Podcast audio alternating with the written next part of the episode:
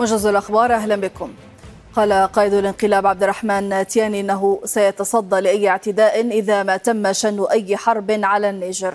وأكد تياني في كلمة موجهة للشعب أن الحكومة أبلغت باتخاذ إجراءات لتنظيم حوار لمناقشة أسس دستورية جديدة. من جهته قال رئيس وفد الإكواس إلى النيجر عبد السلام أبو بكر إن لقاءه مع رئيس النيجر المحتجز محمد بزوم جاء الاستماع لآرائه وما حل به. وأضاف أن هناك مسائل خاصة ببازوم لا يمكن توضيحها الآن.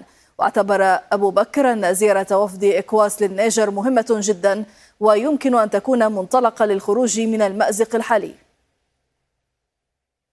أعلن الجيش الإسرائيلي مقتل إسرائيليين اثنين في عملية إطلاق نار ببلدة حوارة في الضفة الغربية. وعرضت القناة الحادية عشر الإسرائيلية تسجيلا مصورا من كاميرا مثبتة في محطة لغسل السيارات في حوارة جنوبية نابلس شهدت مقتل إسرائيليين اثنين في إطلاق نار.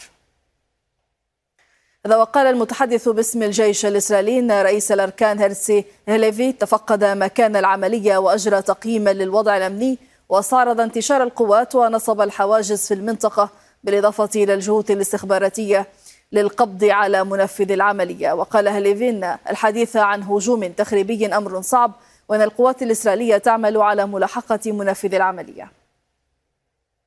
وقد وسع جيش الاحتلال الإسرائيلي نطاق مداهماته وتمشيطه في القرى المحيطة بحوارة جنوب نابلس.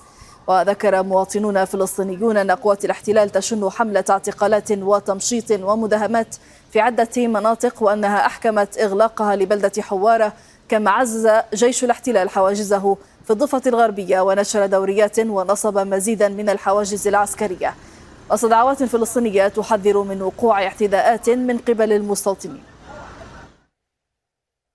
في تطورات الحرب في أوكرانيا وصفت نائبة وزير الدفاع الأوكراني هانا ماليار الأوضاع في كوبيانسك بالصعبة. وقالت إن القوات الروسية تهاجم كوبيانسك في محاولة منها للسيطرة على المدينة التي تعتبر نقطة مواصلات رئيسية ومركزا للهجوم الروسي في الشرق. من جهته قال رئيس الإدارة العسكرية في خاركيف إن عمليات إجلاء السكان من كوبيانسك ومحيطها مستمرة. كما أعلنت هيئة الأركان الأوكرانية تعرض مناطق واسعة من البلاد لعشرات الصواريخ والغارات خلال الساعات الماضية.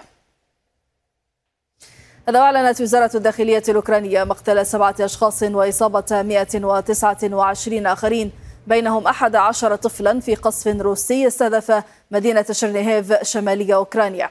ونشر الرئيس الأوكراني فلاديمير زيلينسكي صورا قال إنها للقصف الروسي على وسط مدينة شرنيهيف وعلق زيلينسكي بالقول أن الصاروخ الروسي استهدف وسط المدينة وحول يومه إلى يوم ألم وخسارة وفق تعبيره. ختام الموجز. إلى اللقاء.